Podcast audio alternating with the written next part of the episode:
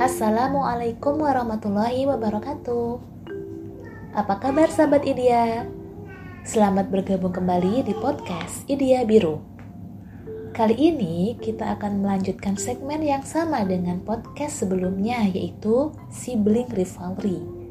Dan pada episode kedua kali ini kita akan membahas tentang dinamika sibling rivalry pada fase perkembangan manusia yang paling awal, yaitu masa anak usia dini. Bagaimana dinamikanya? Let's start. Salah satu analisis yang berkembang untuk menjelaskan mengapa sibling rivalry bisa terjadi pada anak usia dini adalah teori kelekatan atau attachment theory. Anak sangat bergantung kepada orang lain di awal masa kehidupannya. Hal ini disebabkan karena anak belum mampu untuk memenuhi kebutuhan dasar yang melingkupi kebutuhan biologis, misalnya makan, minum, buang air, maupun kebutuhan akan rasa aman, nyaman, serta rasa dicintai. Secara universal dan alamiah, anak akan membentuk hubungan ketergantungan pertama dan utama terhadap satu figur. Jadi hanya satu figur saja ya atau monotropi. Dan biasanya ditujukan kepada sosok ibu, mengingat ibu memiliki karakter pengasuhan yang kuat. Ketika anak menyadari potensi kemunculan gangguan yang bisa merusak kelekatannya dengan ibu, anak akan merasa tertekan atau terancam Contoh yang paling umum adalah menangis ketika berpisah dengan ibunya.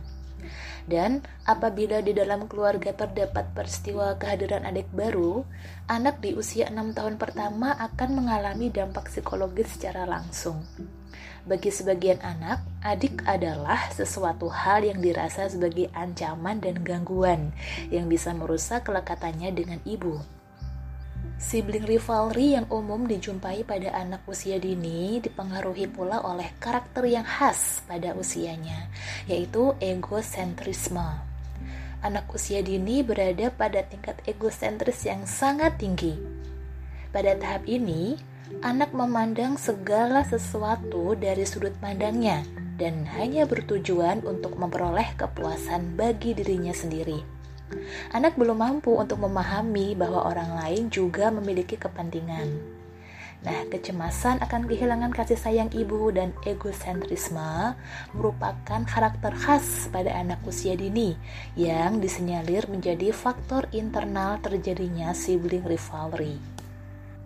Kapasitas perkembangan anak usia dini yang khas seperti uraian yang baru saja disampaikan memang berperan dalam pembentukan persaingan antar saudara. Namun, yang tidak kalah penting adalah perlakuan orang tua terhadap anak. Ternyata juga turut andil menyebabkan pembentukan sibling rivalry. Anak yang menyaksikan perbedaan perilaku orang tua terhadap anak yang satu dengan anak yang lain akan menampakkan perilaku bersaing. Anak telah memiliki kepekaan atas perbedaan perlakuan orang tua, bahkan saat berada di awal usia satu tahun. Nah, perbedaan perlakuan orang tua tersebut merupakan faktor eksternal yang bisa menyebabkan sibling rivalry. Lalu, bagaimana caranya orang tua bisa mengetahui apakah anaknya mengalami sibling rivalry atau tidak? Nah, yang perlu diperhatikan bagi orang tua, pengasuh, atau pendidik adalah manifestasi perilaku anak yang bisa menunjukkan gejala sibling rivalry. Manifestasi perilaku itu antara lain yang pertama adalah agresivitas. Agresivitas merupakan perilaku menyakiti orang lain secara terbuka. Perilaku menyerang ini bisa ditujukan secara lisan maupun secara fisik. Perilaku menyerang ini juga bisa ditujukan kepada ibu, kepada ayah, kepada bayi, kepada teman, kepada mainan, bahkan kepada diri sendiri. Ya, manifestasi perilaku yang kedua adalah kenakalan. Kenakalan merupakan mekanisme anak untuk mencari perhatian dengan cara melakukan hal-hal yang bertentangan dengan aturan keluarga. Misalnya, berteriak-teriak ketika meminta sesuatu atau menolak makan dan lain-lain.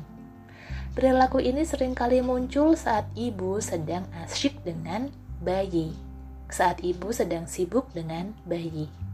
Kemudian, manifestasi perilaku selanjutnya adalah terlalu patuh. Terlalu patuh merupakan strategi anak yang menunjukkan perilaku yang sangat baik secara berlebihan dengan tujuan untuk memastikan posisinya aman di dalam keluarga.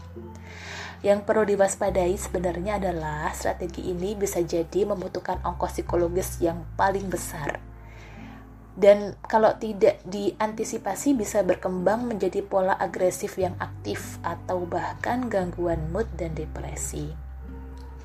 Lalu, yang keempat, manifestasi perilakunya adalah kemunduran atau regresi. Ketika anak mengalami regresi, anak menunjukkan kemunduran perkembangan seperti baby talk, yaitu berbicara seperti bayi mengompol padahal sebenarnya sudah berhasil toilet trainingnya lalu berbicaranya menjadi gagap mengedot jempol tidurnya bermasalah dan lain-lain. Melalui perilaku tersebut sebenarnya anak ingin menguji apakah dia akan mendapat respon yang sama dengan adik bayinya atau tidak Ya, kemudian yang kelima adalah withdrawal atau menarik diri. Jadi, anak juga bisa menunjukkan perilaku menutup atau menjauhkan diri dari orang tua ya, karena didominasi oleh perasaan tidak aman atau insecure dan kesepian. Dan manifestasi perilaku selanjutnya adalah anak bisa menunjukkan perilaku pengalihan rasa cemburu atau dikenal dengan istilah anger instinct Beberapa bentuk anger instinct ini yang sering muncul antara lain sabotase, misalnya menyembunyikan popok adik, menyembunyikan baju adik, dan lain-lainnya. Lalu sakit fisik, ada yang memang benar-benar sakit dan biasanya berupa demam atau hanya berpura-pura sakit untuk memperoleh simpati. Atau bisa juga berupa monologing, yaitu mengomel-ngomel sendiri. Baiklah sahabat sekalian, Nantikan dinamika sibling rivalry pada fase perkembangan selanjutnya, yaitu anak usia sekolah dan remaja awal pada podcast selanjutnya.